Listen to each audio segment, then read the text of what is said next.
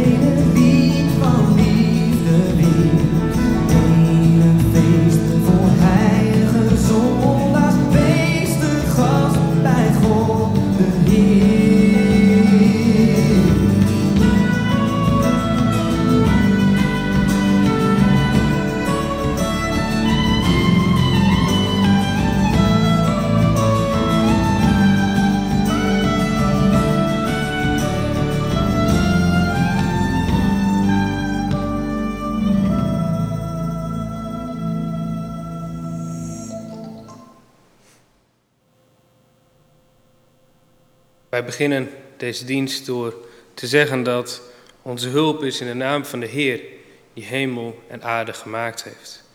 Genade zij u en vrede van God onze Vader en Jezus Christus onze Heer. Amen. Goedemorgen. Goedemorgen iedereen die nu kijkt, die thuis zit en de mensen die hier zijn. Goedemorgen. Een aantal van u, een aantal van jullie kennen mij, of die hebben mij wel eens vaker gezien in een podcast die ik samen met jullie uh, predikant maak, met Jolande. Dat gaat dan over muziek en dan heb ik mijn eigen inbreng, die, zo wordt mij verteld, niet door iedereen wordt gewaardeerd. Uh, maar ik vind het zelf heel erg leuke muziek. Um, en het is heel erg leuk om hier nu op deze manier te zijn. Ik werd al begroet ook met de mededeling, ach, het is nog wel aardig hier nu in driedimensionaal te zien in plaats van alleen uh, op een scherm, maar heel veel van u zal ik helaas alleen nog steeds zo moeten begroeten. Ik hoop dat dat in de toekomst natuurlijk een keer op een andere manier gaat. En ik ben blij om hier in Duiven te zijn. Ook even kijken, hoe doen jullie dat nou hier, zo'n online dienst? Dat iedere kerk die zit te zoeken naar een vorm die past bij nou ja, de plek waar je zit en de mogelijkheden die je hebt. Het is goed hier te zijn. Deze eerste zondag van de 40 dagen tijd. En er werd mij verteld dat die eerste zondag gaat het over, jullie gaan het hebben over de werken van barmhartigheid. En de eerste is, deze zondag, is de zieken bezoeken. Nou, dat kan dus niet, de zieken bezoeken. En dat is nou juist het grote probleem. Nou, als je bezoekt, zelfs als je het bezoek doet, dan moet je nog afstand houden. Mondkapje voor. Knuffel zit er niet in. De grootste ziekte van nu is de ziekte van eenzaamheid. En ik denk dat dat het meest is wat, wat raakt ook tegenwoordig.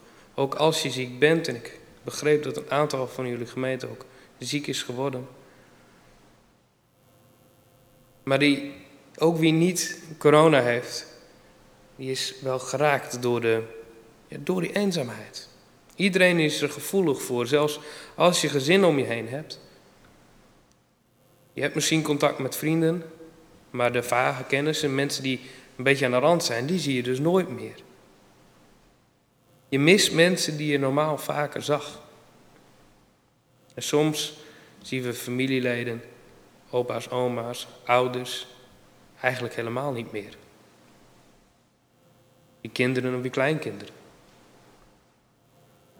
Het is eenzaamheid. We gaan vandaag lezen over een ontzettend eenzame vrouw. We gaan lezen ook hoe er in de Bijbel gesproken wordt over eenzaamheid, want dat is natuurlijk niet nieuw. We gaan kijken wat God ons te zeggen heeft deze ochtend over die ziekte. Laten we bidden. Heer God van liefde, God van genade. Heer God die zo dichtbij is. Zegen ons hier. Zegen wie kijken. Iedere plek waar jullie zijn. Heer, zendt uw geest dat we inzicht mogen hebben. Dat we steun mogen hebben, genade voor elkaar.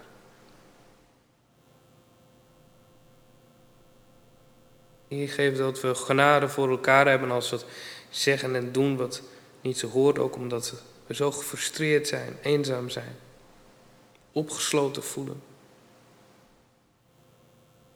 Heer, geef ons liefde voor elkaar, geef uw zegen.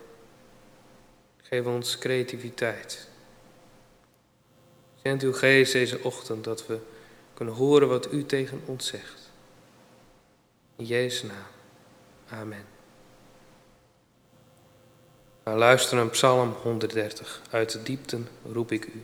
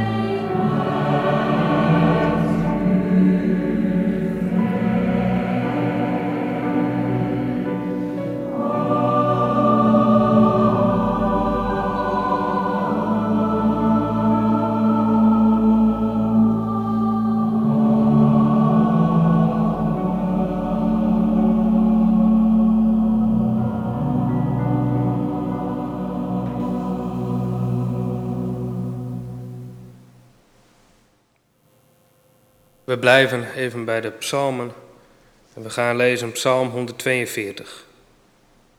Het is een lied van David, gebed toen hij in de grot zat. Luid roep ik tot de Heer. Luid smeek ik de Heer om hulp. Bij Hem stort ik mijn hart uit, bij Hem klaag ik mijn nood. Ik ben ten einde raad. U kent de weg die ik moet volgen. U weet dat op mijn pad een strik verborgen ligt. Ik kijk terzijde en niemand die om mij geeft. Nergens een toevlucht voor mij, niemand die hecht aan mijn leven. Ik roep tot u, Heer. U bent mijn schuilplaats, al wat ik heb in het land van de levenden. Hoor mijn noodkreet. Ik ben uitgeput en moe. Verlos mij van mijn vervolgers, zij zijn sterker dan ik. Leid mij uit de beklemming, dat ik uw naam mag geloven. In de kring van rechtvaardigen, u hebt naar mij omgezien. We luisteren naar het lied als alles duister is.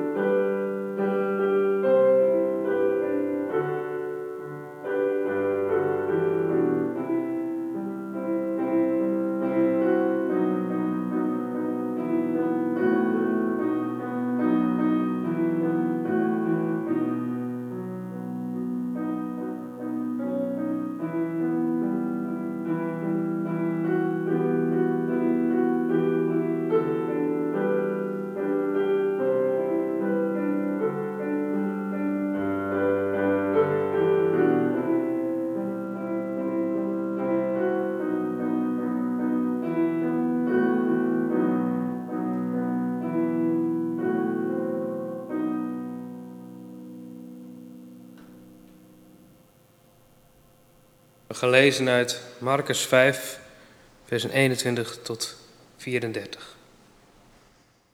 Jezus weer met de boot was overgestoken, verzamelde er zich een grote menigte bij hem en hij bleef aan het meer. Een van de leiders van de synagoge, die Jairus heette, kwam naar hem toe. En toen hij Jezus zag, viel hij aan zijn voeten neer. Hij smeekte hem dringend: Mijn dochter ligt op sterven. Kom haar de handen opleggen om haar te redden en te zorgen dat ze in leven blijft. Hij ging met hem mee. Een grote menigte volgde hem en drong zich om hem heen. Onder hen was ook een vrouw die al twaalf jaar aan bloedverlies leed. Ze had veel ellende doorgemaakt door de behandeling van allerlei artsen, en wie ze haar hele vermogen had uitgegeven zonder dat ze ergens baat bij had gehad. Integendeel, ze was alleen maar achteruit gegaan. Ze had gehoord over Jezus en ze begaf zich tussen de menigte en raakte zijn bovenkleed van achteren aan. Want ze dacht, als ik alleen zijn kleren maar kan aanraken, zal ik al gered worden. En meteen hield het bloed op te vloeien en ze merkte aan haar lichaam dat ze van de kwaal genezen was. Op hetzelfde ogenblik werd Jezus zich ervan bewust dat er kracht uit hem was weggestroomd. Midden in de menigte draaide hij zich om en vroeg: Wie heeft mijn kleren aangeraakt? Zijn leerlingen zeiden tegen hem: U ziet dat de menigte zich om u verdringt en dan vraagt u: Wie heeft mij aangeraakt? Maar hij keek om zich heen om te zien wie het gedaan had. De vrouw die bang was geworden en stond te trillen, dat ze wist wat er met haar was gebeurd, kwam naar hem toe, viel voor hem neer en vertelde hem de hele waarheid. Toen zei hij tegen haar: Uw geloof heeft u gered. Ga in vrede, wees genezen van uw kwaal. Gemeente van onze Heer Jezus Christus. Ik zei al, als iets deze crisis, de ziekte van deze tijd tekent, dan is het de eenzaamheid. Het heeft natuurlijk ook wel, het is natuurlijk ook wel bijzonder dat net aan het begin van de 40 dagen tijd het bij jullie gaat over het bezoeken van zieken. Het had niet relevanter gekund, zou ik zeggen. Dat is nou juist het punt. Ziekte, deze ziekte, maakt bezoek gevaarlijk. Datgene wat de kerk altijd bijzonder heeft gemaakt, anders heeft gemaakt, dat kan u niet meer. Ik bedoel, toen de kerk begon was het, zeg maar de eerste eeuwen. Het was heel bijzonder hoe christenen toen letten op de zieken onder hen. Dat was iets unieks. En nu? Nu moeten we oppassen. Thuis blijven. Ik denk dat de gevolgen daarvan ook nog lang niet zichtbaar zijn. Daar zullen we de gevolgen langzaam maar zeker meer en meer van zien. Deze dienst is ook daarom ook specifiek voor wie eenzaam zijn. Aan de hand van het verhaal van die zieke, eenzame vrouw. Wat kun je doen? En ik kom echt niet met een stappenplan van dan doe je zus zo en dan komt alles goed. Maar ik hoop wel dat deze dienst een uitnodiging is. Uitnodiging om die eenzaamheid bij God te brengen. En de belofte dat Hij jou door en door kent en helemaal van jou houdt. Daar kom ik straks op terug. We beginnen eerst bij het verhaal van Marcus. Want dat is er wel een, een, een bijzonder verhaal, want dan zie je een hele massa mensen om Jezus heen. En dan denk je toch van, dat missen we ergens wel, die hele massa mensen. En in die massa zit iemand die niet gewenst is, die je daar niet wilt hebben. Ze heeft een ziekte, een ziekte ook die in Leviticus staat beschreven.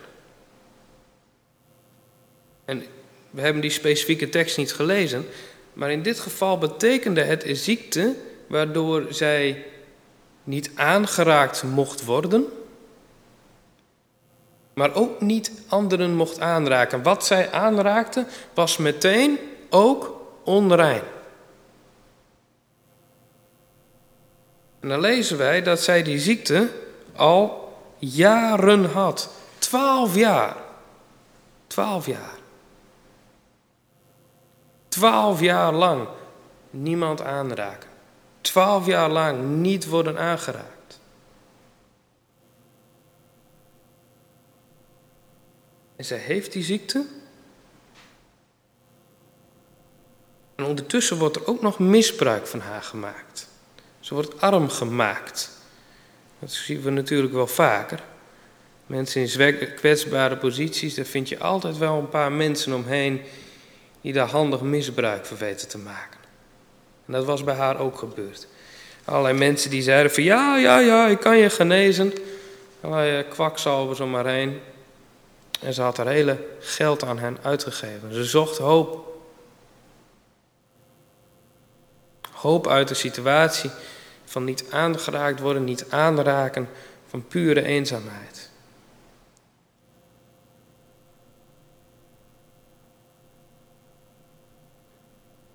En dan neemt zij een besluit. Ze weet dat Jezus in het dorp is. En ze denkt, ik ga naar hem toe. Ik ga naar hem toe. Ik denk dat die, die ziekte van haar, of die eenzaamheid van haar, dat kunnen we invoelen denk ik. Of veel van ons kunnen dat invoelen. Niet aanraken, niet aangeraakt mogen worden, alleen zijn. Dat herkennen veel van ons maar al te goed. Maar ze gaat ook naar Jezus toe. Is dat ook herkenbaar? Dat we die stap nemen. En zegt Jezus tegen haar op het moment dat ze genezen is. Zij valt voor Jezus voeten neer en ze vertelt de hele waarheid. Kun je je voorstellen wat zij verteld heeft? Het staat er niet, maar ik vraag me af, ik vraag me dan af, wat, wat heeft zij daar verteld? Verhaal van twaalf jaar eenzaamheid, van twaalf jaar afwijzing. Op grond van een bijbelgedeelte. En die, die, die zei dat ze onrein was. Niemand aanraken. Kun je voorstellen wat zij daar verteld heeft? Ze was ongewenst door iedereen in haar omgeving. Schaamte, armoede. Wat zou ze verteld hebben? En ze vertelt de hele waarheid. De hele waarheid. En dan zegt hij tegen haar. Nou, hij zegt niet ga maar weer naar huis. Hij zegt, uw geloof heeft u gered. Ga in vrede. Wees genezen van uw kwaal. Geloof heeft haar gered. Door dat geloof van haar werkte God heen. En dus doordat zij die stap nam naar Jezus toe, kon zij genezen worden. Door haar geloof werkte God heen.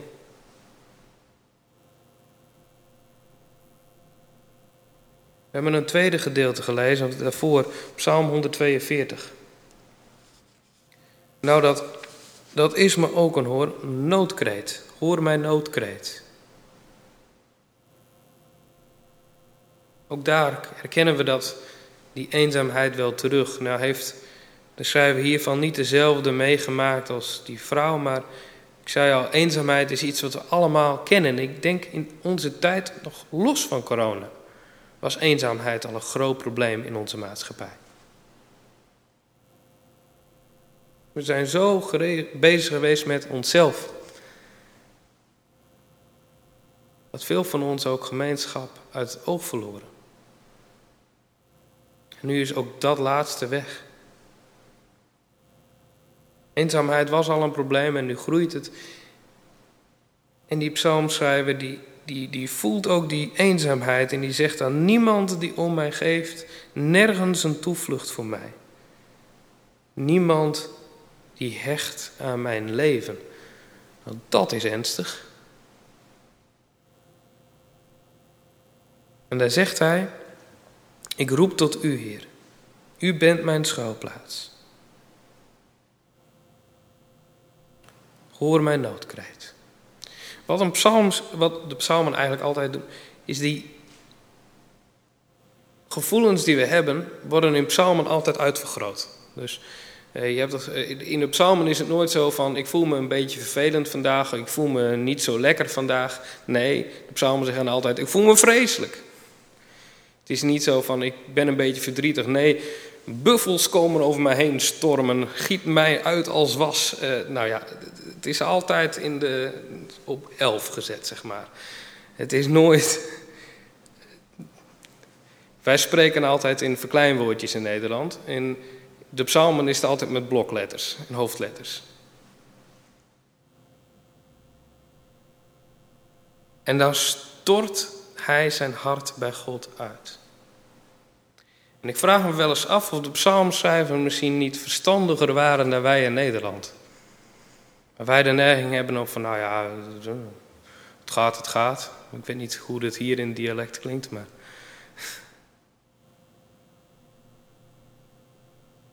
Maar de psalmschrijver, die, die, die, wat hij doet, die stort zijn hele verhaal uit.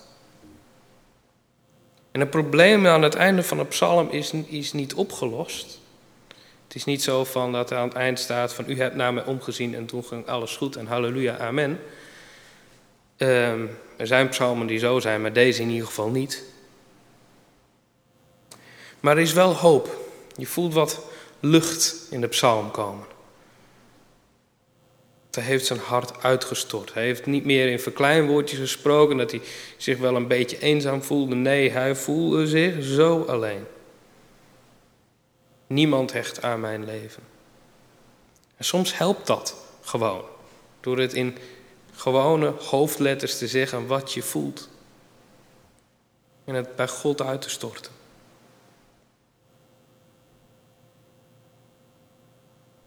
Nou, als we teruggaan naar het Marcus gedeelte.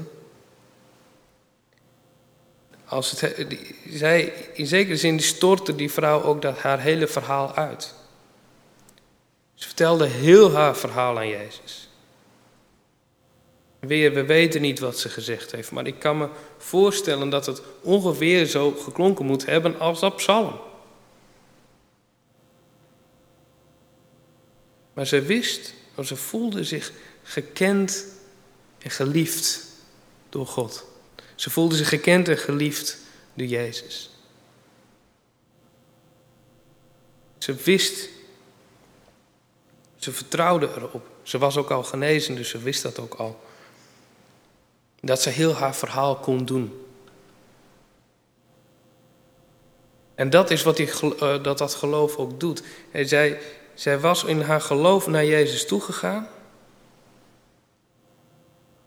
En de geloof, dat is niet zo van geloof het en dan komt alles goed. Maar er is wel een belofte. En die belofte is, je bent gekend en geliefd door God. Bij Hem kun jij je hart uitstorten. Met Hem kun je een relatie beginnen.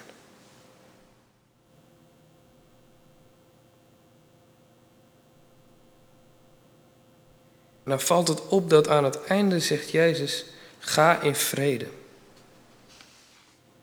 Nou, vrede, moeten jullie weten, in de Bijbel is niet uh, puur dat er geen strijd is, dat er geen gevechten zijn. Vrede, in het Hebreeuws, nou dat weten de meeste mensen vast, shalom. Dat is veel meer omvattend. Dat is je hele lijf, dat is je hele gemeenschap om je heen.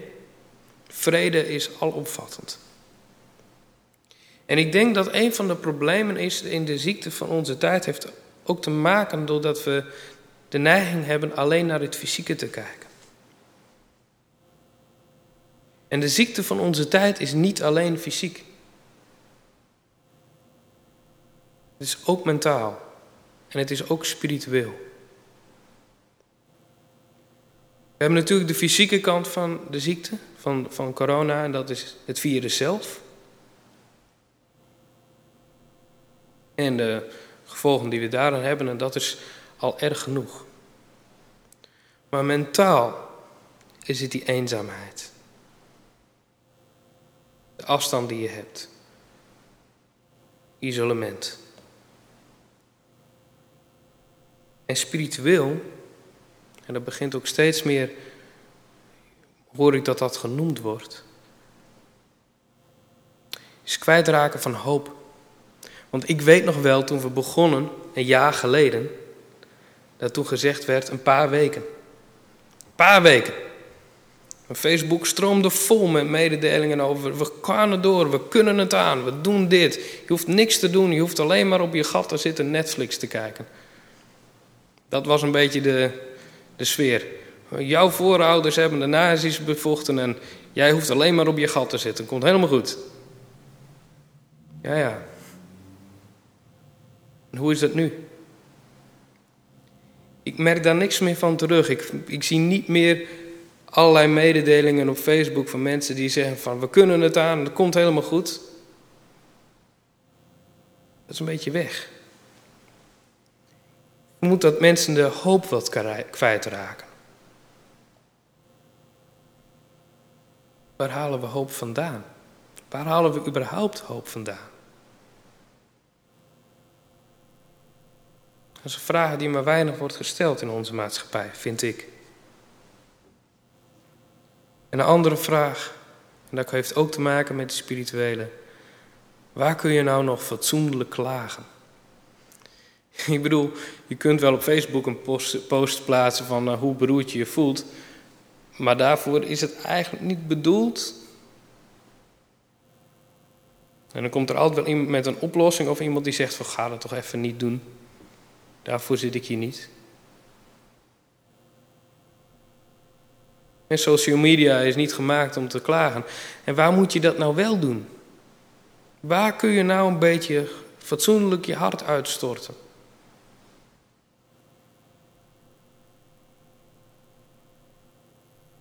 Eigenlijk willen we het niet. We willen het liefst in verkleinwoordjes spreken. En ik denk dat dat ook, als we naar die vrouw kijken, dat is iemand die hoop vond in Jezus. Die ook nog fysiek genezen werd, maar en ook mentaal van naar eenzaamheid. Maar waar ze ook, bij hem kon ze ook klagen. Bij hem kon ze haar nood brengen. Nou is geloof überhaupt wel genoeg om eenzaamheid te doorbreken? Jezus zegt er wel. Hij zegt in ieder geval van bij mij kun je verhaal kwijt. Geloof zal je redden. Geloof heeft je gered. het gaat om de relatie die je met mij hebt. Is dat genoeg? Nou, sommigen van jullie weten misschien dat ik in Alten het fenomeen biertje met de dominee heb ingevoerd. Paar jaar geleden. Normaal doen we dat in een lokale kroeg. Maar de laatste tijd moet dat online. En dat is zeker in het begin heel erg geweest van... wat is daar nou leuk aan? En ik dacht ook, ik weet het niet, ik doe maar gewoon wat. We zien wel. En ik merk wel dat de laatste tijd meer en meer mensen daar weer aansluiten. In het begin heel weinig en nu de laatste tijd komen er meer. En toen hebben we dat ook besproken. Hoe, hoe voel je wel die aanwezigheid van God? En toen werd eigenlijk gezegd van nou weet je, we varen God wel, maar dan in, in die kleine dingen. Kleine tekens. Ja, we voelen afwezigheid van God ook wel, zeker. Maar ook allerlei ervaringen, momenten door de dagen heen. En kijken in de natuur. Nou, nu is de lente weer fatsoenlijk begonnen. Een week geleden stonden we nog op het ijs. Dat was ook, denk ik, een teken van alle plezier die we even konden hebben.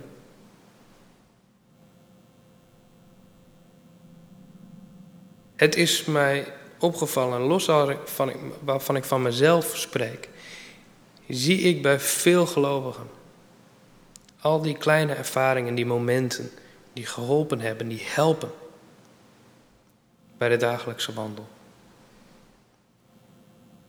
Ergens wordt die aanwezigheid van God ervaren. Door de eenzaamheid heen. En toch Tuurlijk is het zo, als ik eenzaam ben, is door het geloof niet alles opgelost. Zo werkt het niet. Zo heeft het nooit gewerkt. En wie de psalm leest, psalm 142, weer er staat niet, ik kwam bij God en toen was alles opgelost, halleluja, amen. Zo werkt het niet. Geloof is ook niet van kant-en-klare oplossingen. Ik zei al eerder, ik geef geen stappenplan. Dat beloof ik. Ik heb een ontzettende hekel aan stappenplannen, moet, ik, jullie weten.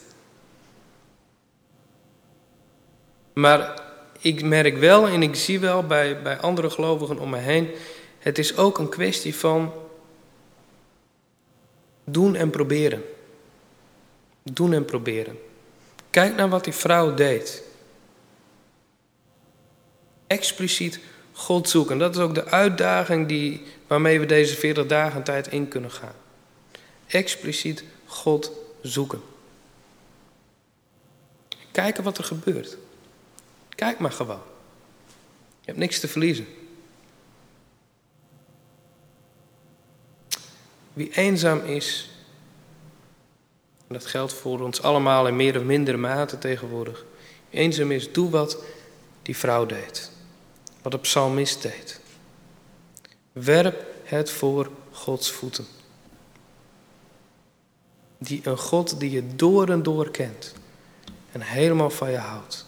En met jou een relatie wil. Amen.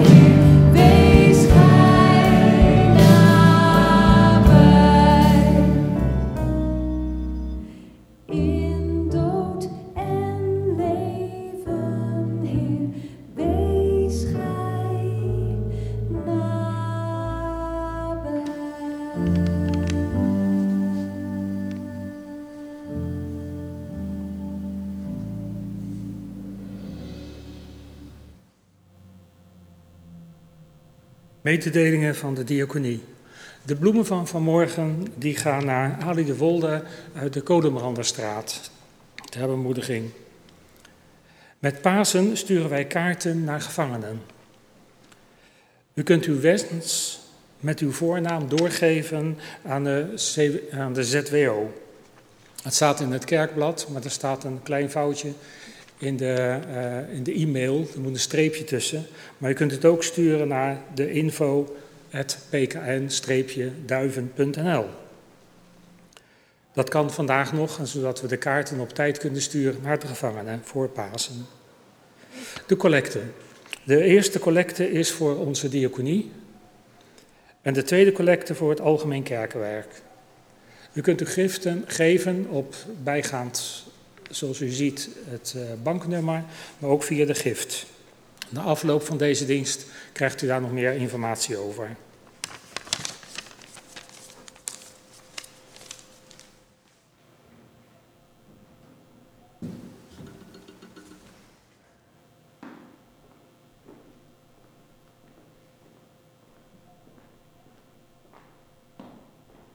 Laten we bidden. Heer onze God, we danken u dat we altijd, hoe en wie we ook zijn, bij u mogen komen. We volledig gekend zijn, volledig geliefd zijn. Heer, u houdt van ons, door en door. Heer, we danken u dat we door u ook een uitzicht mogen hebben, ook op een einde van deze pandemie. Danken u dat u voor iedereen die zich ondanks alles ook wegen vindt om er voor elkaar te zijn. Mensen die zich ingezet hebben. Mensen die zich inzetten nu.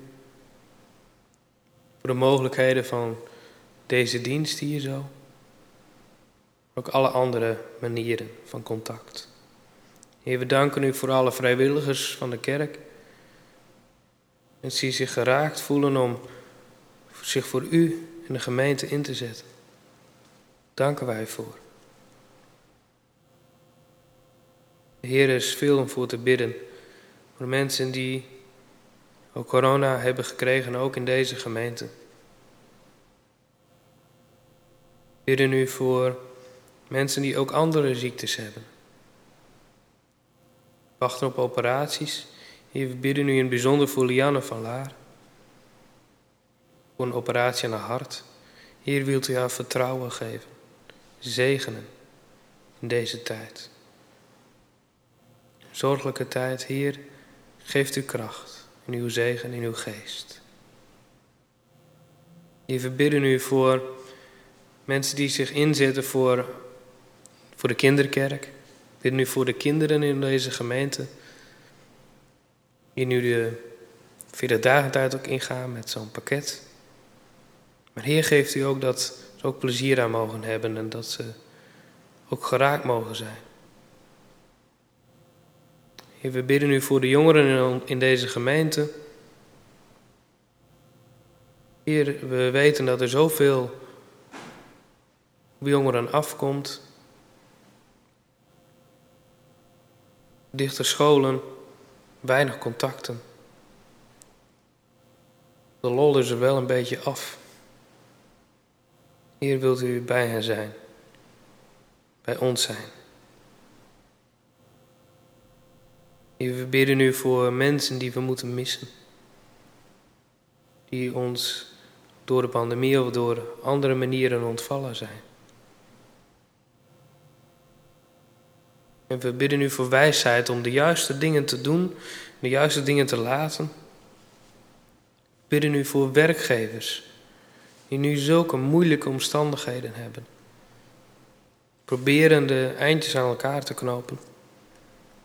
Binnen u voor werknemers die nu leven ook met zoveel onzekerheid. Houd ik mijn baan nog? En we bidden u voor genade voor wie de rekker uit is. Je weinig zin meer in hebben. Bidden u genade voor elkaar.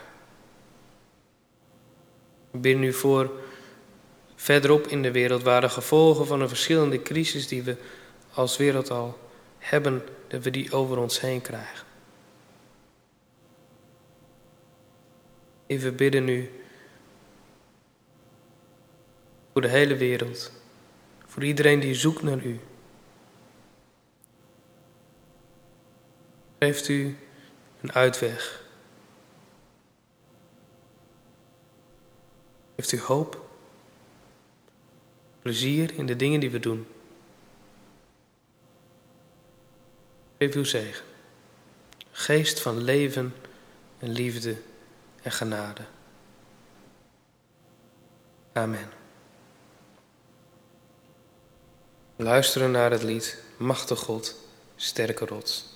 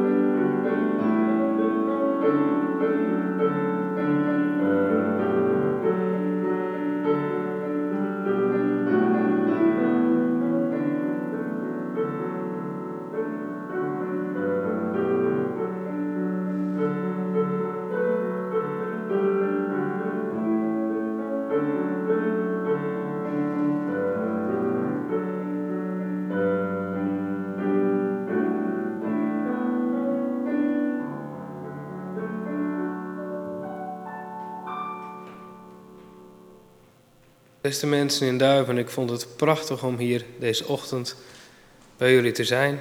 En ik hoop in betere tijden uh, ook weer terug te kunnen komen. Dan gaan we deze week in met de zegen van God. De Heer zegent u, Hij beschermt u. De Heer schijnt met het licht van zijn gezicht over uw leven en Hij is u genadig. De Heer keert zijn liefdevol gezicht naar u toe en Hij vult u met zijn vrede. Amen.